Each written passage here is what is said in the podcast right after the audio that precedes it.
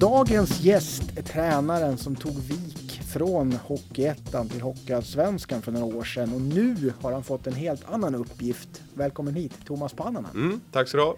Hur mår du just nu? Ja, men bra faktiskt. Eh, vi börjar bli nästan klara med våran planering och sånt som vi håller på med här och, och massa samtal där med spelare och sånt. Så att, eh, jag mår jättebra. Nu börjar ju vädret också bli bättre så att ja, det är bara fint. Den här matchserien mot BIK Karlskoga är långt borta i minnet nu antar jag och du har fått ett helt nytt lag att jobba med. Vad, vad är det för tankar som rullar i huvudet på dig just nu? Men nu så här i efterhand så är jag ju jätteglad att eh, jag, jag tänker ju så att en, en vinnare hittar ju nya vägar hela tiden och, och nu när vi åkte ut så där mot Karlskoga så gav det oss enorma läropengar om vad som krävs på eh, liksom i slutspel och sånt och man kan ju tycka så här i efterhand, där blev vi enormt hårt straffade. Vi blev ju det. Det var ju som hela vårt, halva vårt lag känns som blev skadeskjutet efter två, tre minuter bara in i kvartsfinalserien där. Men eh, det blev en annan nivå. Det är ett eh, annat klimat i slutspel och sånt och den lärdomen tar vi med oss till nästa säsong. Men att få ett helt nytt lag att jobba med, sitter man redan nu och funderar, okej okay, han ska spela med honom och den där borde vara där eller sitter ni, är det långt bort med femmor och så eller har ni det i huvudet redan nu? Nej, men det har vi nog ganska klart, eh, stora delar i alla fall, hur vi vill sätta upp det. Vi har ju som du säger, eh, gjort ett riktigt krafttag nu på spelartruppen här och, och eh, verkligen gjort en bra analys tycker vi själva efter förra säsongen och, och säsongen innan också så har vi varit för ineffektiva. Eh, vi har fått in spetskompetens tycker vi själva på det offensiva och även fått in eh, ja, men, grundbultar både i defensiven och sen på målvaktssidan också så att eh, absolut så har vi en ganska stor del av laget klart i hur, hur vi vill sätta det. Ja, du sa lite grann om analysen från förra året, men om du, om du ska sammanfatta den hela analysen. För det här lagbygget är ju ett resultat av hur det gick förra året och brister och fördelar och så vidare. Men offensiven var en sak, men vad fanns det mer för saker ni kände att det här skulle vi verkligen behöva förbättra? Ja, men det är ju liksom ett eh, liksom skruva på hela våran verksamhet lite grann. Eh, vi har ju gjort en analys på spelarna som har eh, spelade förra säsongen. Dels de som har lämnat oss och dels de som är kvar fortfarande också. Så har de ju fått tycka och tänka hur de upplever oss coacher, vårat, våran arbetsmiljö där nere, vårat träningsklimat, hur det är och, och det har vi kommit fram till. Det är ju att det behöver skruvas två, tre snäpp till liksom egentligen på samtliga plan och, och framförallt jag själv behöver ju steppa upp här nu och, och visa att jag, jag är en, en, en vinnande coach och, och det är ju någonstans där jag, jag, utgår ifrån mig själv hela tiden, att jag ska göra bra resultat själv och göra bra, bra saker för att då tror jag också att det smittar av sig på laget. Så att, eh, sen ska man komma ihåg att eh, det var en tuff säsong förra året också. Det var, vi blev ju väldigt brandskattade på det här eh, coronan, precis som många andra lag också såklart. Men eh, vi byggde ett lag med en stark centersida från start och sen försvann Rasmus Asplund och sen droppade de av en efter en känns det som. Så vissa spelare fick ju liksom aldrig chansen heller på riktigt att visa vad de kunde och fick vi skador på det så att vi hade för mycket nyckelspel, även om vi inte hade så mycket skador i sig kanske, men så hade vi skador på fel spelare. Vi hade ju för många nyckelspelare på läktaren för lång tid och, och för att kunna göra ett bättre resultat. Så att vi kämpade och krigade oss till en sjunde plats. Eh, bra åttondel mot Almtuna och sen åkte vi ut då eh, välförtjänt mot Karlskoga då så här i efterhand. Men eh, vårt spel och vår spelidé ger oss mycket. Men vi behöver börja sätta dit våra chanser för att vara ett topplag. Du har också fått en ny tränarkollega bredvid, bredvid dig. Eh, då blir frågan så här. Vad är viktigast? Att man ska trivas ihop som människor eller att man ska ha samma syn på ishockey? Är det liksom, måste det vara både och eller vad är viktigast där? Ja, men det är väl nog en kombo det där. Jag visste ju vad, vad liksom Fagge står för och sen eh, ska man komma ihåg att han har ju varit headcoach nu i tre säsonger i Hockeyettan sen vi jobbade ihop senast och jag känner ju redan nu på försäsongen att han har ju fått en helt annan erfarenhet och eh, en helt annan liksom, tyngd i sina grejer än vad han hade kanske när vi jobbade ihop på juniorerna och vilket är fullt förståeligt så att Dels är han ju en jättebra vän och kompis till mig, men sen framförallt så är han ju hittagen för att han är en bra hockeytränare och, och duktig med människor och det som vi står för här i Västerås, att eh, vi ska skapa en bra arbetsmiljö och, om vi steppar upp här nu, både jag och Fagge på ett bra sätt så kommer spelarna också göra det, jag är övertygad om och då kommer också resultaten att komma. Man kan ju vara lite elak och säga det kan ju inte gå sämre än när ni sist stod tillsammans i ett bås i alla fall nej, nej, det var ju en tuff tid då, men precis som jag sa så var det ju, jag är ju glad idag att jag fick, eh, fick den möjligheten för att eh, värre än så blir det förmodligen aldrig mer och, och just den liksom känslan att lära sig någonting av. Men då måste man ju fundera också, eller fråga dig, tänkte du mer med hjärtat då än med, vad ska man säga, hjärnan när du accepterade den rollen som du fick där? För det var ju du och Fagge som klev in helt ensamma i en kvalserie och hålla sig kvar i Hockeyallsvenskan. Det var ju inte någon sån här, ah, det här kanske känns lite kul.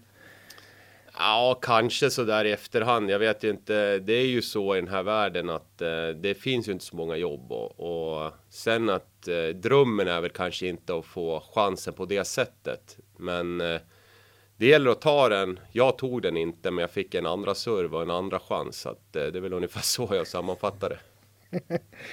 men också då, om man tänker på kravbilden där, då var du helt orutinerad. Du kom in, du hade inte så mycket att varken förlora eller vinna kändes som. Men, men året efter då, då kommer du och ta över ett lag i Hockeyettan. Jag kan tänka mig att de flesta av oss utifrån kände väl att nu ska ni gå upp. Men hur, vad, vad, vad var det för kravbild inom, inom föreningen då, på dig och hela laget? Kände du? Ja, men lite sådär var det ju. Jag förstod ju att jag har ju Eh, jag behöver, jag fick ju ett treårskontrakt ju, men eh, jag förstår ju också att det är ju resultat som gäller och, och eh, mer än två år hade vi aldrig fått på oss. Det, det kan jag inte tänka mig, utan eh, men jag tänker liksom inte riktigt så, utan eh, jag vill ju liksom någonstans stå för någonting som, som ledare och ger man sig in i den här leken får man leken tåla och jag förstår också någonstans att eh, resultatet handlar om det är framförallt nu och framåt också att behöver leverera ett, ett resultat på isen för att jag ska få behålla mitt jobb. Och det är ju så tyvärr i den här branschen att det spelar ingen roll hur hårt du jobbar eller någonting om du inte har resultat. För då blir du frågasatt direkt. Med all rätt så. Men, eh, ja, men jag känner mig trygg i alla fall. Men det måste ju varit en ganska stor skillnad då när det varit nykomlingar i Hockeyallsvenskan. Att det var det hade väl kanske inga krav på er alls. Att ni skulle väl egentligen bara undvika kval eller ta det kanske till slutspel på sin höjd. Ja, men nu är ju inte jag riktigt funtad på det sättet, utan jag kände ju direkt någonstans att äh, men vi kan väl visst vara ett topp 8-lag och, och, man vill ju vinna oavsett äh, vilket lag du har, höll jag på att säga, på benen. Så att jag har ju aldrig liksom tänkt så att okej, okay, bara vi håller oss kvar nu, då är det bra liksom. Men så trycket att... utifrån och från media och de åsikterna måste ju ha haglat mer säsongen efter när ni gjorde en toppsäsong, kom trea och sen år efter inte alls levde upp kanske till de förväntningarna. Ja. Det måste ju varit ett annat tryck då. Jo, men det är det. Det är så. Men samtidigt så, det är ju någonting också som jag har lärt mig liksom att eh, eh, ger man sig in i den här leken får man leken tåla. Folk har åsikter om ditt jobb. Även om du vinner eller förlorar så kanske du spelar fel spelare eller någonting. Men någonstans så... Inte tagit timeout. Ja, men nej, precis, precis, exakt. Och jag har sett ju Johan Garpenlöv nu i VM. Han, får också skit för att han inte tar timeouter och jag tar visst timeouter men eh, jag tror inte effekten på den här timeouten är, är det utan jag behöver liksom förbättra mig overall tror jag. För anledningen att jag frågar om det här med press det är ju att nu väntar ju en helt annan sak. Nu har ju klubben verkligen gått ut med en målsättning. Tidigare kanske man har varit lite mera vag och lite så här mittemellan. Men nu är det ju så att nu ska klubben upp till SHL i en treårsplan och så vidare hur känner man som ledare då? Man triggas av det antar jag, men fortfarande så kommer ju också de andra sidorna av myntet. Ja, men så är det ju. Visst är det så. Och, eh, men samtidigt, nu har jag ju fått några år här och jag känner mig trygg i mitt eget ledarskap och jag känner att eh, eh, jag ska vara här nu och jag känner att jag kan bidra till den här till det här avancemanget så att eh, jag är övertygad om att eh, att eh, det här kommer bli jättebra och jag känner mig eh, otroligt inspirerad utifrån det lag vi har fått också nu och att de verkligen har velat komma hit och det har vi någonstans tillsammans, ni på mediedelen, kontoret och alla. Vi har ju skapat en sammankänsla här i Västerås tillsammans med våra fans och sponsorer också så, som har gjort att de här spelarna vill komma tillbaka hit och, och göra det här möjligt. Tidigare säsonger så har ni jobbat mycket med kontinuitet. Nu blir det en ganska stor Eh, samlingsspelare som kommer in i det här laget. Då. Vad, vad, blir viktigast för dig som ledare att få ihop det? Jag antar att man, man kan inte spela lite paintball och tro att nej, men nu är det ett lag. Utan... Nej, det, så är det ju. Enkelt är det ju naturligtvis inte, men Eh, det känner vi oss trygga i också. Jag tycker att vi har under de här åren i Västeråsen, eh, om vi börjar med det här division 1-året och sen var ju Lasse med på den här resan också i tre år, så har vi verkligen liksom fått ihop ett lag här och vi har fått en bra arbetsmiljö. Tycker spelarna som har kommit hit, de har liksom eh, verkligen uppträtt som bra Västeråsspelare. Så men det här med att bygga ett lag och sånt, det känner jag ju liksom att det är ju en av mina styrkor tillsammans med Fagge också. Så att eh, jag tror att eh, det här kommer bli jättebra. Men hur gör man då enligt dig? Vad är de viktigaste ingredienserna? Ser man till att ja, men här beter du dig på det här sättet, här gör vi så här, sätter man ramar eller hur, hur går det till? Ja, men vi har ju en tydlig värdegrund i Västerås, att vad vi förväntar oss av spelarna och vi är ju ganska tydliga med, med vad, vad som gäller i Västerås och eh, samtidigt så är det ju en tydlighet från eh, alltså spelarna mot ledaren också, nämligen mig och Fagge och Zäta och Sjöström, alla vi som jobbar kring laget, att vi också ska uppfylla de kraven. Så det är framförallt där och sen är det ju en tydlig rollfördelning att vad är det som krävs av dig för att när du ska komma hit, när de har skrivit på kontrakter nu och framåt så, så vet de vad, vad eh, varför de är här. Eh, och vissa är offensiva spelare, vissa är defensiva spelare. Sen finns det ju en gråzon i en spelartrupp där det är lite mittemellan, precis som det ska vara att eh, gör jag bra ifrån mig här, nu finns en möjlighet att kunna slå mig in i, i eh, högre upp i hierarkin så att säga. Så att, eh, men eh, vi tycker ändå att eh, det känns bra i alla tre lagdelar. Eh, Jimmy Jansson är ju redan utsedd som lagkapten. Det är kanske lite sent att ändra sig mm. nu. Mm. det kan du säkert göra. Men i övrigt då på ledarsidan. Hur bedömer ni till exempel nya spelare som kommer in som ni inte har haft tidigare? Hur bedömer man dem att ja, men den här killen är lämpad för att ha ett A på bröstet och så vidare. Hur, hur, hur, får ni den uppfattningen under bara lite försäsongsträning? Ja, men det är ju inte bara lite för, utan det är, det är ju att man ser dem i grupp och hur de driver och hur, när det går emot lite, hur de är. Och sen frågar man lite äldre spelare som har varit här eh, ett par år, hur han här kommit in i gruppen på vad ger han för inputs och, och sånt. Och det är viktigt liksom att när vi tar hit spelare också, att vi frågar ju verkligen vad kommer du bidra med till vårat lag? För att en sak är att vara hockeyspelare. Sen är det ju andra saker också som krävs som du varit inne på för att man ska ta det där hela steget. Precis som när vi gick upp i Hockeyallsvenskan så hade vi kanske 20 informella ledare som gjorde att man köpte sin roll och sånt där. Så, men det, det är också den här känslan av att känna av människor och sådana här saker som gör att om du ska få ett A på bröstet eller inte. Men om du får välja då, då tar du hellre en bra person och gör en bra hockeyspelare av han eller en bra hockeyspelare och gör en bra person av han, eller hur? Nej, men alltså det är ju som vi har ju varit ganska tydliga med att vi. Det är ju klart att det är viktigt att du är en bra hockeyspelare. Det finns ju en, en, en grund för att du ska slå dig in i Viks A-lag idag. Om du ska vara ett topplag så behöver du vissa kvaliteter, men det är minst lika viktigt att du är en bra människa och eh, det hör man ju de här spelarna som kommer hit också att eh, när de har fått framgångar med tidigare lag så är det ju. Det är ju en grupp med bra människor som gör tillsammans med att du är bra hockeyspelare så jag är inte mycket för sådana här egna agendor och man hittar på egna saker och, och jag är kung här och sen ska vissa vara tjänare till han utan även om din poängkung när han backcheckar hårdast så det är ju då du är topplag. Men sen också då, då undrar man ju, man vill väl gärna se såna här, vi kan kalla det för Kalle Östman-figurer då som har en tävlingsinstinkt, nästan börjar slåss på träningarna. Men hur, hur, väger man upp det utan att hela laget nästan börjar slåss hela tiden? Eller bara... ja, det är en balansgång det där. Det är, jag är ganska bra på att trigga igång sådana saker själv och det är ju någonstans det här är min. hur gör du då? Ja, men det är inte så svårt. Det är bara att döma emot okay. eh, på isen till exempel eller säga fel saker när man har hög puls eller någonting och då ser man ju direkt reaktionerna på det så att.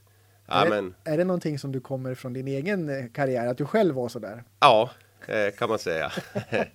Men nu tycker jag just det du är inne på att det har ju varit en viktig grej. Vi hade liksom lärdomar från vårt slutspel till exempel och jag ska inte säga att vi var mjuka sådär men. Nej, men lite grann gå över likspelare ja, som exakt. verkligen bara gör vad som helst för att vinna. Ja, precis. Och uh, det är det som krävs idag om du ska nå hela vägen och, och hitta, hitta de karaktärerna och det tycker vi att utan att säga några namn nu så har vi redan känt här på introsamtalen att vi har verkligen hittat de som kan våga liksom ställa sig upp och ställa krav i, i gruppen också. Trots att de är nya så har de börjat tagit plats redan nu.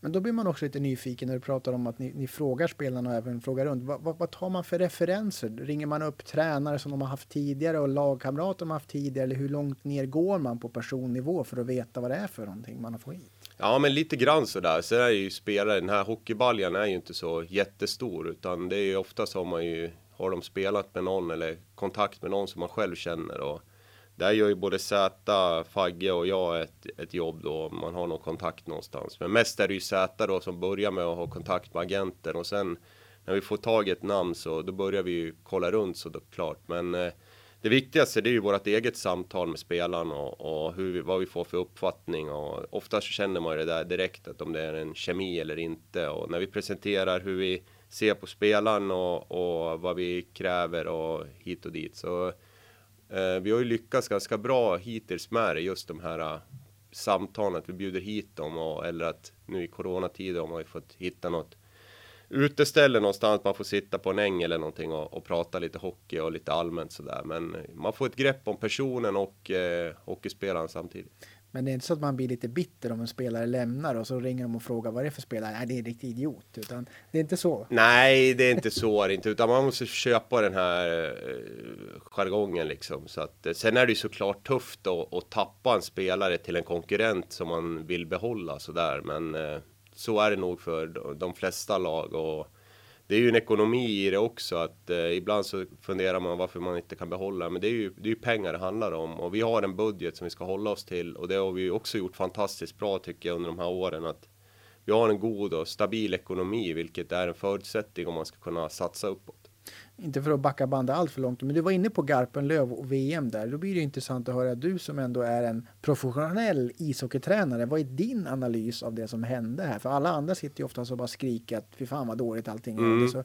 men vad är din nyktra analys av varför det blivit som det blivit med svensk hockey internationellt? Ja, eh, jag vet inte. Jag tror att eh, rent generellt så tror jag att våra liga eller SHL och Hockeyallsvenskan har eh, den, den är ju för mjuk kontra internationell hockey och, och det ser man ju på våra regeländringar som är i Hockeyallsvenskan och SHL så så är det ju inte, det, det gynnar ju inte de som ska spela internationellt utan det blir ju att man ska bara främja liksom spelet och det går så jäkla fort hit och dit och tror man skulle hitta någon balans i det där, att man skulle få hålla i kanske lite mer och få ner farten på spelet så att men framförallt att man måste kunna attackera mer på insida. Jag, nu har jag ju det här minnet i, i den här utvisningen som Jesper Johansson får i, i Karlskoga där när vi kvitterar till 4-4 i... Han nuddar målvakten tänker du? Exakt och, och, och sen ser man den här övningskörningen igår till exempel på den här ryska forwarden på Reideborn liksom. Det hade ju blivit 20 matcher i Hockeyallsvenskan trots att det är svensken som puttar in honom så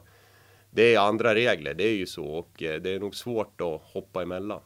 Men hockeyn generellt då, det här med att det ska gå så fort hela tiden. Jag förstår ju att ett lag inte bara kan börja med, men nu ska vi stå still och spela hockey. Det blir väldigt svårt då. Men, men tror du att det är en farlig utveckling om det fortsätter så här att det är egentligen bara den som åker längst och fortast, inte den som, ska man säga, slår snyggast pass eller gör, alltså underhållningsvärdet dras ju ner av att det bara blir någon form av speedracing. Ja, jo, jag håller med dig. Eh, men däremot så är jag ju glad att Växjö Lakers vann SM-guld som spelar på ett helt annat sätt till exempel. De, har ju inte det här pressspelet som överallt att det ska bara åkas och det ska checkas i liksom i varenda läge och det är bara prat om backchecking och forechecking hela tiden utan Växjö vårdar ju verkligen pucken och, och hade ju ett mycket, mycket lägre tempo än samtliga SHL-lag skulle jag vilja säga men ändå så vinner de på skicklighet så att det är jag glad för. Jag hoppas att hockeyn kommer tillbaka lite ditåt, att man får se lite artister igen, att folk som vågar hålla i pucken och göra de här, som du säger, de här avgörande passningarna istället för att det ska bara vara åkstyrka hela tiden och tacklingar.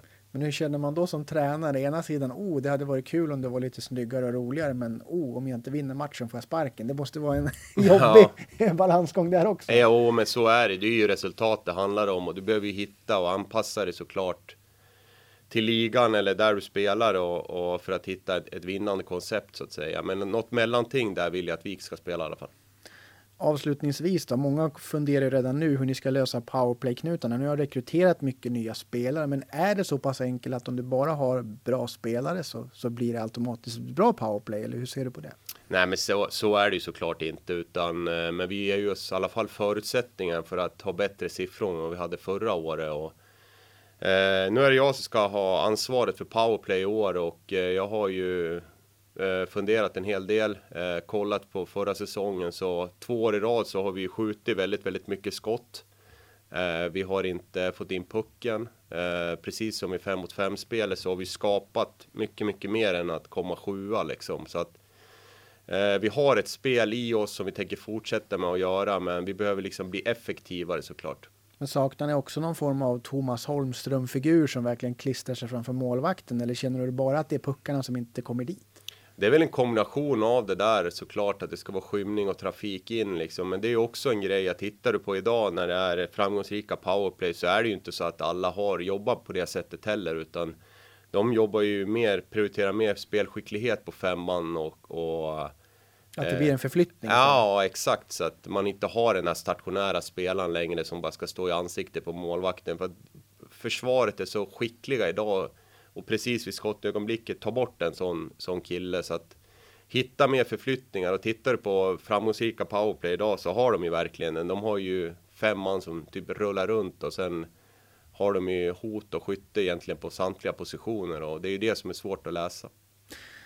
Avslutningsvis då, en hälsning. Om, om, vad ska du skicka för hälsning till alla fans som sitter och undrar hur, hur, hur det ska gå kommande säsong? Vad ska man ha för förväntningar och förhoppningar på laget? Nej, man ska ha förväntningar på att VIK ska jobba stenhårt, jobba hårdast av alla lag i ligan och att vi ska liksom se till att eh, våra fans och våra sponsorer är, liksom är stolta över sitt lag när de ser oss spela tillsammans. Att, eh, sen framförallt så hoppas jag att, de, att jag får se dem eh, på hemmaplan och att det blir den här, det här trycket nu i Västerås att man tar med sin kompis hit nu och, och eh, verkligen går på våra matcher. Tycker vi gjort ett krafttag både på på, på den sidan också, precis som på spelarsidan. Det känns som att många sponsorer vill vara med på den här resan. Att skapa den här stämningen som är i Västerås då, som jag själv fick uppleva när jag växte upp och vi gick upp i elitserien. Så att eh, jag hoppas de, de hittar till hallen och sen att vi tillsammans ska göra en fantastisk säsong.